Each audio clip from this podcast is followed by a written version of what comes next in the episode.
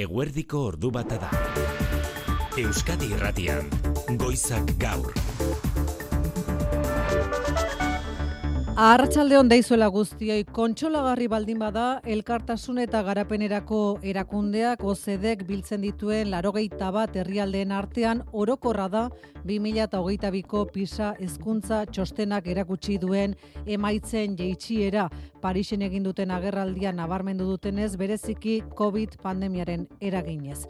Jokin Bildarratz Jaurlaritzaren hezkuntza sailburuak ere hala justifikatu du okerrera egin duen Euskadiko gazteen puntuazioa. Pandemiaren osteko jeitxera orokorra den testinguru batean gaude. Sistemak denbora behar du aldaketak egiteko. Pisaren datuak aztertzean ere eragin hori argi eta garbi agertzen da. Izan ere matematikan estatuko eta Europar batasunaren eta elgaren batazbestekoaren gainetik ageri dira erkidegoko gazteak aitzitik zientzian eta bereziki irakurmenean Europako batasunaren mediara ez dira iristen euskal gazteak areago estatuko rankinan azken postuetan ageri da Euskadi. Nafarroako amabost urtetik gorako gazteak, hiru arloetan kokatu ditu pisa txostenak, Espainiako eta Europako batazbestekoaren gainetik. Europan bide batez nabarmentzekoa da beti eredu gisa hartu izan den Finlandiaren gainbehera, aldiz Estoniara begira jarri beharko dugu, ondo zer egiten ari diren ikasteko. Mundu mailan Japoniarrek Txinatarrei hartu diete aurre eta Korearrek rankineko goi postuetan jarraitzen dute. Bada pisa txostenak utzi duen beste ondorioetako bat, aspaldi zen entzuten ari garen eztabaida auspotuko duena berriz, telefono mugikorra debekatuta duten ikastetxeetan, arreta galtzeko joera txikiagoa dutela ikaslek. Gainerako lerroburuetan igotzalkorta arratsaldeo. Baita zuri ere maite. Gazteizko Michelingo enpresa batzordeak zuzendaritzaren proposamena onartu egin du eta ondorioz Gasteizen soberan jotzen dituzten eunda berrogeita mar langileri irteera ez traumatikoak eskainiko dizkiote. Batzuk gazteizko lantegian beste atal batzuetara bideratuko dira edo Estatu Espainiarreko beste lantegietara eta besteak aurre jubilazio edo kalte ordainen bidez aterako dira enpresatik. Enpresa batzordean ozta-ozta irabazi du akordioa onartzeak baiezkoak zatik eta erabateko izan da UGT Komision esalde batetik eta ELA LAF eta SK bestetik. Sindikatu abertzaleak aserre akordioarekin impugnatzeko aukera ere aztertzen ari dira unai arregilap. Ez digu eman dokumentazio hori orduan gure ustez esan du zenbaki bat esartagatik da berrogeita marre izan alziren zirureun edo amarre. Eta albistegian kontatuko dizuegu deslokalizazio kasuetarako enpresak aurrez jasotako diru publikoa itzultzera behartuta egotea adostu dutela gaur EH Bilduk EAJ eta PSRekin.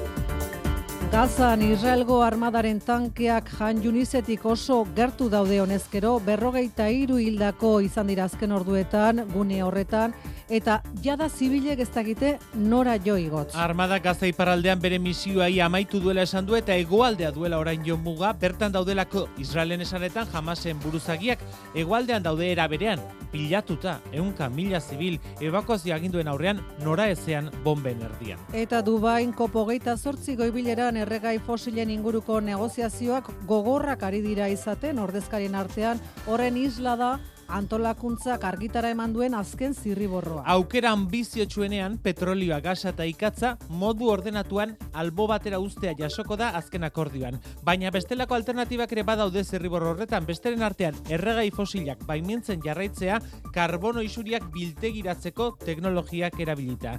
Goibilera honetan petrolio, gas eta ikatz konpainietako 2000 eta bosteun ordezkari daude, duela bi urte Glasgow baino bost aldiz gehiago. Errepidezaren nagusian aparteko gora berarik gabe ordu honetan, baina zubiaren atarian gaude, jende askorentzat ala da, hoteletan galdetu dugunagatik bereziki ostegunetik aurrerakoak izango dira okupazio handieneko egunak, loiun berriz izugarrizko mugimendu antzeman dugu goizean goizetik, eta arratsaldeko iruretan abiatuko da errepidezaren nagusian irteera operazioa. Seireun mila joan etorri baino gehiago espero dira, eta trafiko zuzendaritzak betiko mezua gogorarazi du, baina betikoa izanagatik kontuan hartu beharrekoa. Kontuz arren, urte hasi zenetik berrogeita bat persona gelditu baita zerraldo autoistripuetan maialen narratibe larratsaldeon. Arratxaldeon bai, gaur hasi eta igandera bitartean, zeireun milatik gora joan etorri espero dira erkidegoko errepidesarean, eta ikusita urtea hasi zenetik berrogeita bat lagun hildirela istripuz, jaurlaritzatik eskatu diete herritarrei egunotan arretaz gidatzeko bereziki ohiko arazo puntuetan, araban arminon golotunean, iparralderako biriatuko mugan, eta bizkaitik kantabriarako norantzkoan. Entzun estibalizolabarri jaurlaritzako trafiko zuzendaria. Datuak kezkagarriak iruditzen zaizkigu. Bidaiaren aurretik garrantzitsua da errepideen egoera eta eguraldiaren iragarpena konsultatzea eta horren arabeko bidaia planifikatzea. Alkolak, drogak eta medikamendu batzuk kontsumitzea batera ezina da gidatzearekin. Gainera, distrakzioak saiestea gomendatzen da, nekea beste arrisku garrantzitsuak da. Ertzaintzak dispositibo berezia ezarriko du esan bezala arratsaldeko iruretatik aurrera, horrek esan nahi du trafiko zaintzako taldeak indartuko direla, eta 0 amaika telefonoan informazioa eskaintzen duten langileak ere gehiago izango dira egunotan. Jaione Munarriz Euskalmet Arratsaldeon. Kaixo Arratsaldeon. Nola datu zurrengo orduak? Bueno, ba, oraindik kantauri xurialdean eta batez ere itxasertzean, ba, zaparra txikiren bate bota dezake, baina orokorrean ateri egongo da. Egoaldean berriz eh, giro argiagoa eta lehorra, baina hori bai, zonalde horretan giroa hotzagoa ere izango da, maksimoak leku askotan ez baitira amar gradura eritxiko eta kantauri xurialdean gaur amar eta amabik gradu artekoak izango dira beroenak. Eta mm, lerroburu formatoan, eh, jaione, baina zubiari begira jarrita oro arrateri, edo oro arreuria. Ez, ez oroa reuririk eta ez oroa lehorre. Esango dugu Ea, bihar adibidez itxura politi hartuko duela eguraldiak, ateri bihar urdingune, e, urdingunea gailenduko dira, naiz eta ba, ba ernealdean behelainoa sortzen den lekuetan kosta lekioken e, ba, behelainoari altxatzea batez ere araban. Baina gainerako lekuetan giro argia hori bai egun setia hotza izango da eta izotza ere bota dezake. Eta gero ja ostegunean eta ostiralean euritarako joera nabarmenduko da, batez ere kanta hori xurialdean eta litekeena da asteburuan ba, naiz eta odeiguneak nagusitu, ba, euririk ez egitea edo egitekotan ere gutxi egitea. Eskerrik asko jaione. Aleginagatik ondo pasa. Hale, berdin, agur. Durangoko azoka beti da aukera bat ateri, Bai, ala eurita hori da. manu etxe sortu hogeita lau ordu eskas falta dira, eh? Gutxiago ze hamar territarako zabalduko dituzte ateak landako gunean prestaketa eguna da gaur azokaren berrogeita mezortzigarren ekilaldi honek gazteak erakarri nahi ditu kultura transmisioa eten estadin eta etorkizuna bermatzeko. Beinat gaztelurrutia geredi galkarteko kudeatzaile gargoizean Euskadi Erratian.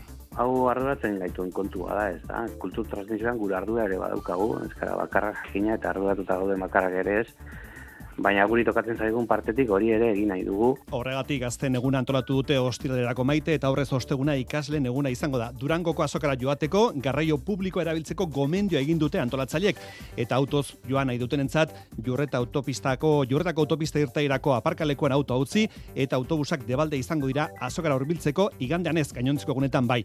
Euskal musikarekin loturiko eriotze bat ere bai, Alan Griffin musikaria hilda Irlandan jaioa eta laurogoiko hamarkadatik Euskal musikarekin harreman estua izandakoa besta beste alboka taldearen sortzaile Alan Griffin. Eta kiroletan Jose Maria Paulaza zer diozu? Bueno, ba, futboliga eta futbol kopa elkarri helduta ditugula Eibarrek igoera postuak harrapatzeko aukera galdu berritan kopariekin bezperakoa dute realak eta alabesek.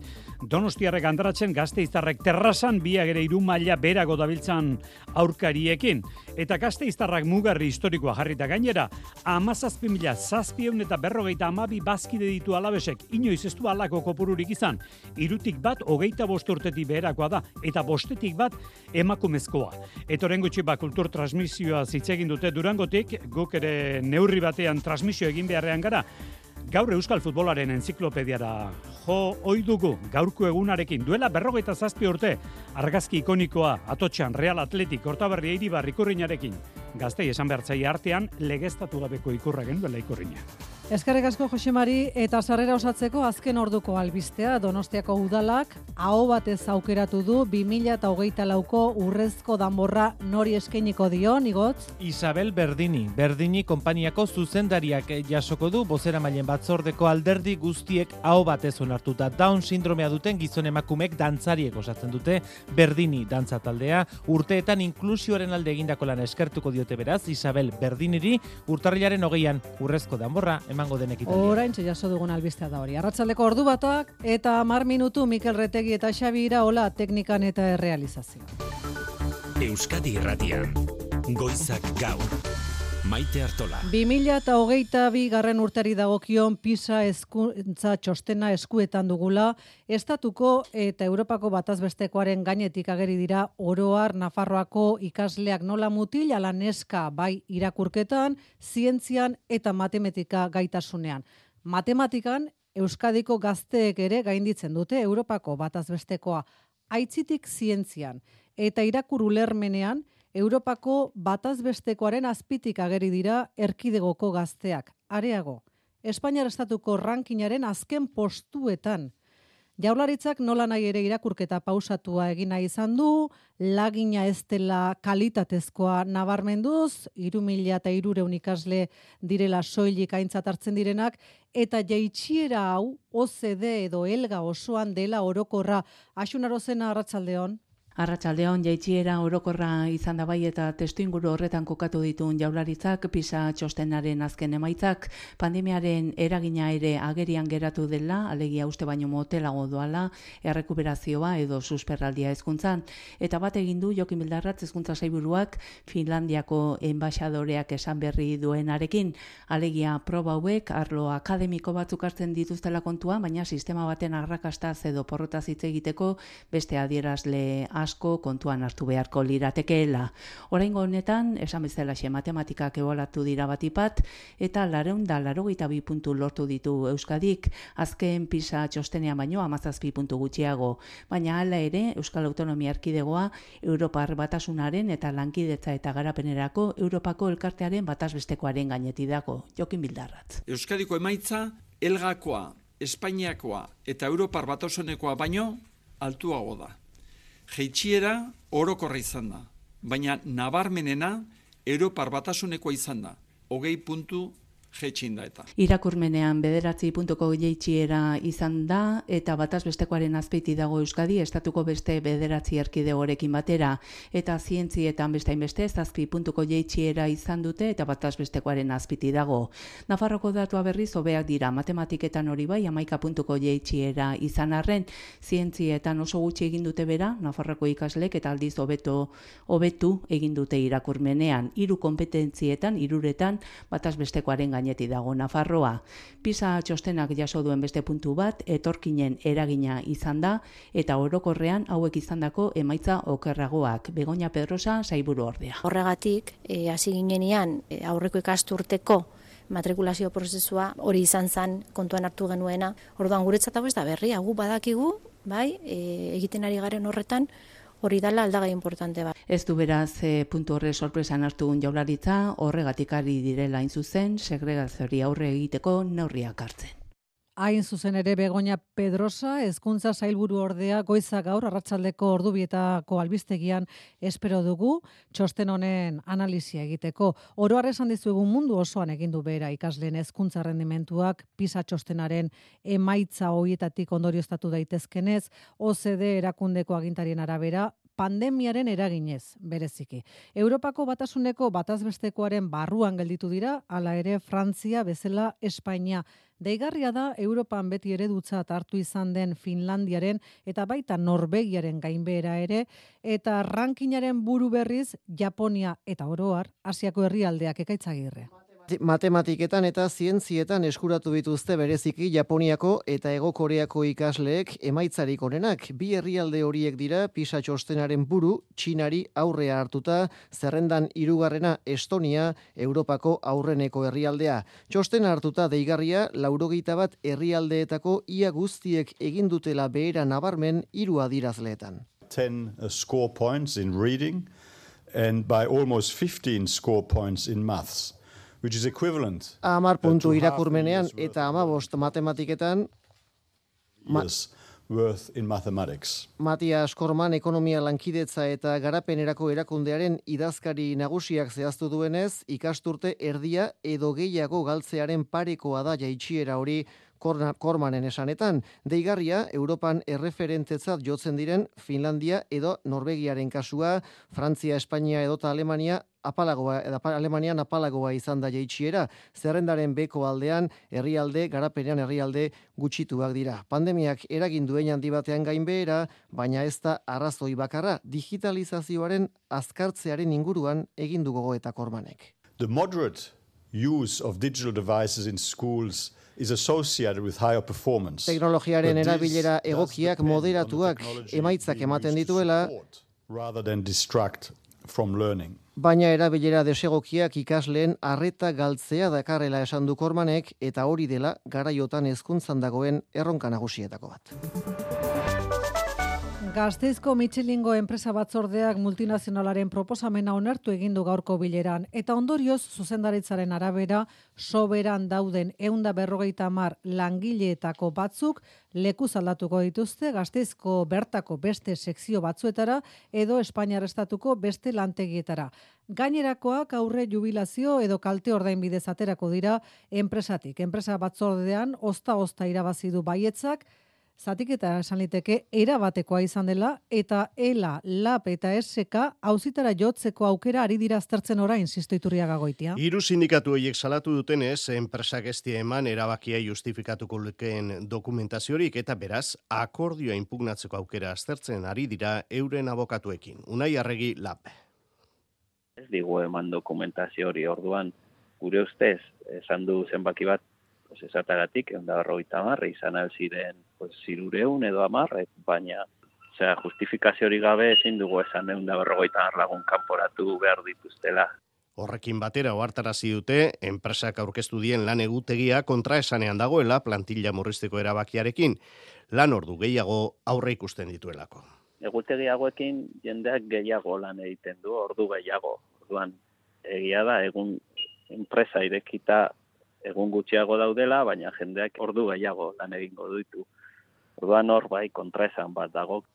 Gaur lortutako akordioaren arabera, enpresa ustea onartzen dutenei, urteko hogeita mairu eguneko kalte ordaina emango die Michelinek amazortzi hilabeteko topearekin, Mila beratzirun da irurogeita biain jaiotakoek errelebo kontratua hartu izango dute eta gainerakoak gazteizko lantegiko beste sekzio batzutara edo multinazionalak estatu espainiarrean dituen beste lantegi batzutara mugituko dituzte. Gainera, urrengo sei hilabeteetan langilerik eskaleratzeko konpromiso hartu du zuzendaritzak. EH Bilduk bestalde akordioa itxi du EAJarekin eta Alderdi Sozialistarekin Euskal Autonomia Erkidegoan kokatutako enpresen deslokalizazioa zailagoa egiteko.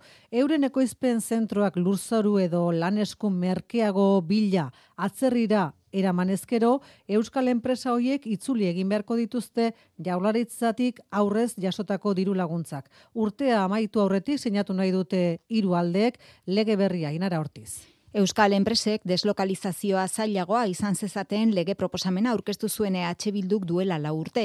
Orduan etzen aurreratera, baina urten ferrobia lauziaren arira berriro maigainean jarri eta PNV eta PSRen atxikipena jaso du oraingoan. Enpresei diru laguntza publikoak eman bai, baina trukean Euskal langile eta gizartearekiko konpromezua exigitu behartzaiela uste du Leire Pinedo EH Bilduko legebiltzarkideak. Ba, ez dugulako ikusten logikoa dela enpresa batek alde egitea, musu truk eta ez kontutan aurkitzea, ba, gure langileen eskubideak edo gure herriaren interesak eta beharrak, ez? Ondo ikusten dugu jakina enpresak diru laguntzak ematea, baina pentsatzen dugu erantzukizun bat eta konpromisu bat eskatu behar zaiela enpresei Atzera begirako neurria izango da, enpresek azken sortzi urteotan jasotako diru laguntza publikoak itzuli beharko dituzte, kostuak murriztu edota zerga gutxia gordaintzeko asmo zeuren ekoizpen jarduera beste herrialde batera eraman ezkero. Bizkaian 2000 eta zazpi ezkerostik indarrean da, xede bera duen antzeko araua, hemendik aurrera diru laguntzen araubidea erregulatzeko lege berriak deslokalizazioi buruzko atal oso bat jasoko du, urtea amaitu aurretik onartu eta erkidego osoan indarrean sartzea aurre ikusten dute. Merkabilbauko fruitu eta barazkien sektoreko langileen kapeia bermatzeko bestalde akordioa lortu dute elak eta zekobi patronala. Azaroaren bosteko eta seiko greba egunen ondoren langileen erosalmena bermatzen du akordioak 2000 eta hogeita iru eta 2000 eta hogeita laurako sindikatuak azpimarratu duen. Ez akordiora iristeko midean grebaren garrantzia azpimarratu du Jolander Zelaia ela sindikatuko negoziazio arduradunak. grebaina aurretik, ez geunkela IPC amaiganien, bi eguneko greba komoko gendule, ondu urten zala, jendea e, multzo bat urten zala, eta horren ondorioz lortu dugule hau. Gaur egune greba ezbaian jartzen ari da momentu baten, balorien jarri, mm, greba izen dela, eraman dozkune IPC amaiganien eukitera, eta sinatzera, eta eukitera 2008 eta 2008 urtietan, Merkabilauko langilek IPCA bermatuta. Arratxaldean, sinatuko dute hitzarmen berria.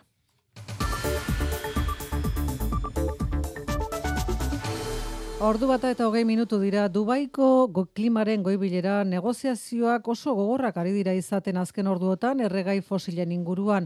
Antolakuntzak goizaldean kaleratu du azken zirriborroa eta han erregai fosilak modu ordenatuan albo batera usteko aukera jasotzen da. Azken agiriak ala jasoko balu, aurrera pauso bat balitzateke, baina beste alternatiba batzuk ere badaude mai gainean landerra izagirre arratsaldeon. Arratsaldeon bai erregai fosilak modu ordenatuan albo batera utzi, ala ez esaldi zehatz hori bihurtu da kopo geita sortzionen giltzarria. Azken akordioak puntu hori jasotzen badu, COP arrakastatxu izango da Algor estatu batuetako presidente orde oi eta klima adituarentzat eta jasotzen espadu porrota. If there is an agreement to phase out fossil fuels, it will be a success. If there's not, it will be a failure. Bada antolakuntzak argitaratu duen azken zirriburroan puntu hori jasotzen da. Erregai fosilak modu ordenatuan albo batera utzi behar direla dio, baina beste hainbat aukerarekin batera.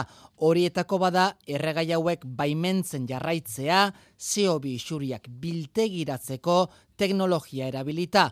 Horren aldekoa da besteak beste goibileraren anfitrioia, baina herrialde askok zalantzak dituzte teknologia honen eraginkortasunean ikerketa fasean dagoelako oraindik edozein kasutan astebete osoa geratzen da negoziazioetarako eta gobernuetako ordezkari ez gain ikatzaren, gazaren eta petrolioaren industriako 2000 eta laureun delegatu daude izena eman da. Duela bi urte baino, bos bider gehiago dira, azken dokumentuaren hitz eta koma bakoitzak industriaren aldera egin dezan indarra egiten.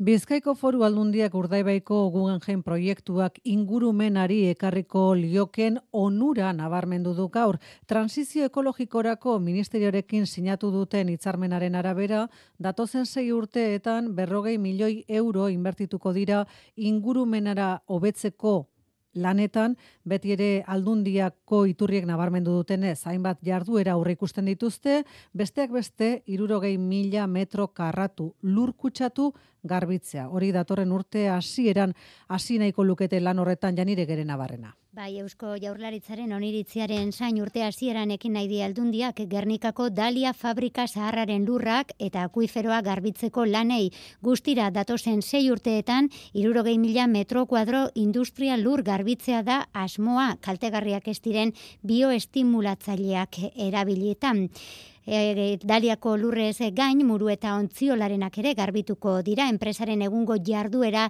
leku aldatu ostean. Horrela, urdaibaiko biosferaren erreserbak egun industriala den berrogei mila metro kuadro baino gehiagoko eremu birnaturalizatua irabaziko du. Bestalde, hogei hektarea padura, hogeita sortzi San Mames adina berreskuratzea aurre ikusten da, egun bertan dauden espazie, espezie inbaditzaileak desagertarazi horrekin batera urdaibaiko itxasadarraren ibilbide naturala lehen goratu, muru eta dali arteko bidegorria berritu, eta zeireun metro linea elektriko lurperatuko dira bizkaiko aldundiak, Espainiako gobernuarekin adostatutako, adostutako hitzarmenak jasotzen dituen jarduerak dira guztiak, aldundiaren arabera, ingurumena hobetzera datozenak. Makroeskualde Atlantiko osatu alizateko bestalde lehen urratsa izan litekeena hilaren amabian emango da Europako Batasun Batasuneko kontseiluak azterga izango baitu gaia. Inigo Urkullu lehendakariak urteetan egindako aldarrikapena eztabaidatuko dela eta oso pozimintzatu da bingen zupiria jaularitzaren bozera mailea.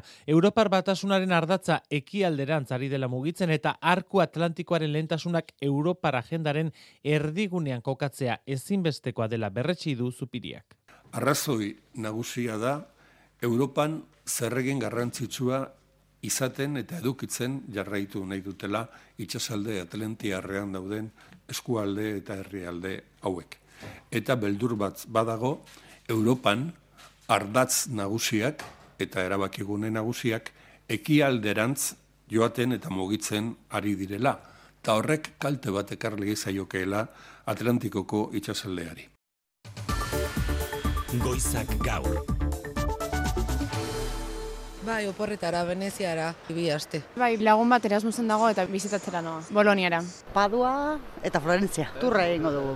Bai, Veneziara. Ba, denetatik ingo egu, hotza, da, euri pixkate bai, baina, bueno, pozik. Goere joango gineteke. Bai, noski. Eigot, zubiaren atarian asko dira oporregunetarako gogoz daudena, giroa nabaria zen goizen goizetik loiun. Mila egalditik gora espero dira Ego Euskal Herriko aireportuetan, gehiena loiuti bertatik aterako dira, gaurko eunda maika egaldi aurre ikusi dira, zubi osoan izango dira, zazpireun inguru mugimendu handieneko egunak espero dira, bi arrasteazkena eta igandea, eta ikusteko dago ea munitxerako egaldiak berretzartzen dituzten, izan ere gaurkoak ere, handuten elurteagatik bertan bera gelditu dira. Hoteletako okupazioari begira jarrita, esango dugu arabakoak direla aurrikuspen honenak euneko larogeiti gorako okupazioa espero dute araban, Bizkaian eta Gipuzkoan irurogeita bost, irurogeita mar bitarte. Izan ere, garai hau ez da berez e, garairik onena turismoarentzat, gainera egunotan ez da jai Europako herrialdetan eta horrek jakina eragiten du bisitari kopuruan ere Marijo de Gracias Arratsaldeon. Arratsaldeon bai, alaxe azaldu digu gainera destino Bilbaoko Joseba Goiri Goltzarrik. Gainera jaiegun hauek adibidez Europa aldean ez dituzte, eta orduan daukagun merkatu bakarra estatu aldekoa da, eta horrek euneko berrogeita marrak entzen digu. Eta eguenetik zapatura, espero dituzte bisitari horiek. Osteguna ostirala eta larun batean datu onak izango ditugula, okupazioa euneko irurogeita marrean edo ibiliko dala, presoak ere e, gorakada pizka bat egin dute, baina horrek ez du konpensatzen hile osoan daukagun eskaera, ze nahiko bajoa da. Gipuzkoan hiru egun horietan euneko irurogeita marrera egoko da okupazioa, baina euneko irurogeian geratuko da abenduko zubiko batez bestekoa. Araban dituzte, espektatiba hobeak, ostiralean esaterako amarretik bederatzi hotel gela betetzea espero dute. Azaldo diguten ez abenduko zubia demoraldi basua izaten da hiriburuetan ala ere aipagarria da 2000 eta emeretzetik Bilbon esaterako 1000 eta bosteun hotel plaza gehiago daudela. Eta azten doa, laster dira esaterako aldezarreko somera kalean, beste berrogei lagunen entzako establezimendua irekitzekoak. Gotzon San Juan da goien butikeko kidea eta Bilbo hartu duela bide bat turismoren aldetik, kongresuen aldetik eta dena dela Europa osoan beste herri batzu moduan dagoela ja kokatuta, ez? Eta hirietatik kanpo zer, ba, landa ere muan nekaturretik esan digutenez, euneko irurogeita bostekoa izango da okupazioa. Nafarroan aste benetan berezia, hiru jaiegunekin eta horrek Nafarrasko foru erkidegotik ateratzera animatu egin ditu hala ere, bertako landa etxeetan okupazioa uneko larogeita lau ingurukoa ere bada, sektorea baiko hormintzatu zaigu, bost eguneko zubiaren atarian iruña aitor perez arratsaldeon zuri ere. Arratsaldeon bai, Nafarroako Landa Turismo Federazioak emandako datuak dira, osorik alokatzen diren landa etxeak dituzte daturik onenak Carmela Erredin, Federazioko kideren hitzetan horietan euneko laro gehieta laukoa da okupazioa, logelak alokatzen direnetan berriz, euneko perrogeita emezortzikoa. Urteko egon honetan, mutxe gehiago egiten du logeletako ostatuak, e, batez ere familiak eta taldeak etortzen direlako. Eskualdeka ez dago aldean dirik okupazioari begira jatorri aztertuta ordean nafar gutxi daudela dio patxiku irisarri bastan bidasoa elkarteko kideak. Nafarroan bastea honeko bitxia da, eta batzuk aprobetsatzen dute hor bi egun hartu eta aste oso hartzeko, eta hori nabaritzen da ba, kanpora ateratzen digelako, ez? Helduko direnen artean Madrildarrak, Katalanak, baina bereziki Euskal Herritarrak izango dira eta horrek aurre ikusita dagoen eguraldi euritsuarekin garrantzia du odei murugarren plazaolako turismo teknikariaren hitzetan. Egia da, Euskal Herriko jendea dituta gaudela ere, ez? Eta orduan nahiko ausarta garela zentzu horretan, da. Plazarako bide berde egitea ideia bada egiten du, naiz eta huria egin.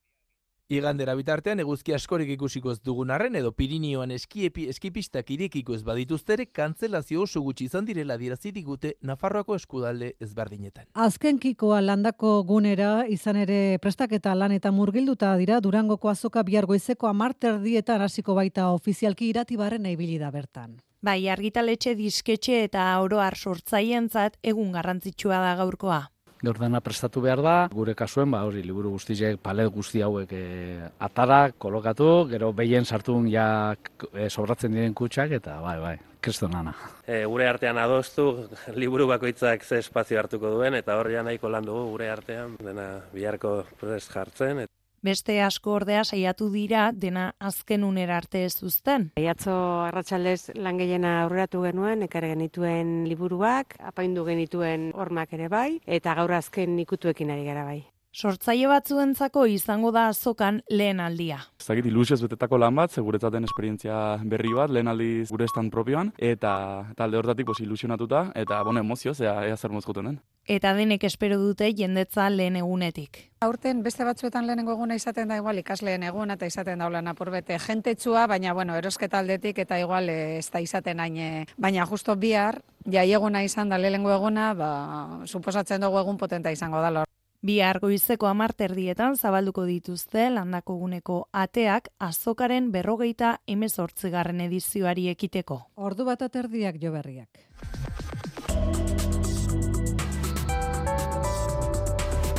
Euskadi irratian, eguraldia eta trafikoa. Errepidetan ze berria inara ortiz? Ba, azortzi errepidean Bilbon zorrozaparean matxura izan duen auto baten ondorioz, kilometro pasatxoko hilada sortu da uneotan kantabriarako norantzkoan. Hau eguraldiari dagokionez bestalde urren gorduetarako pronostikoa Euskalmeten eskutik.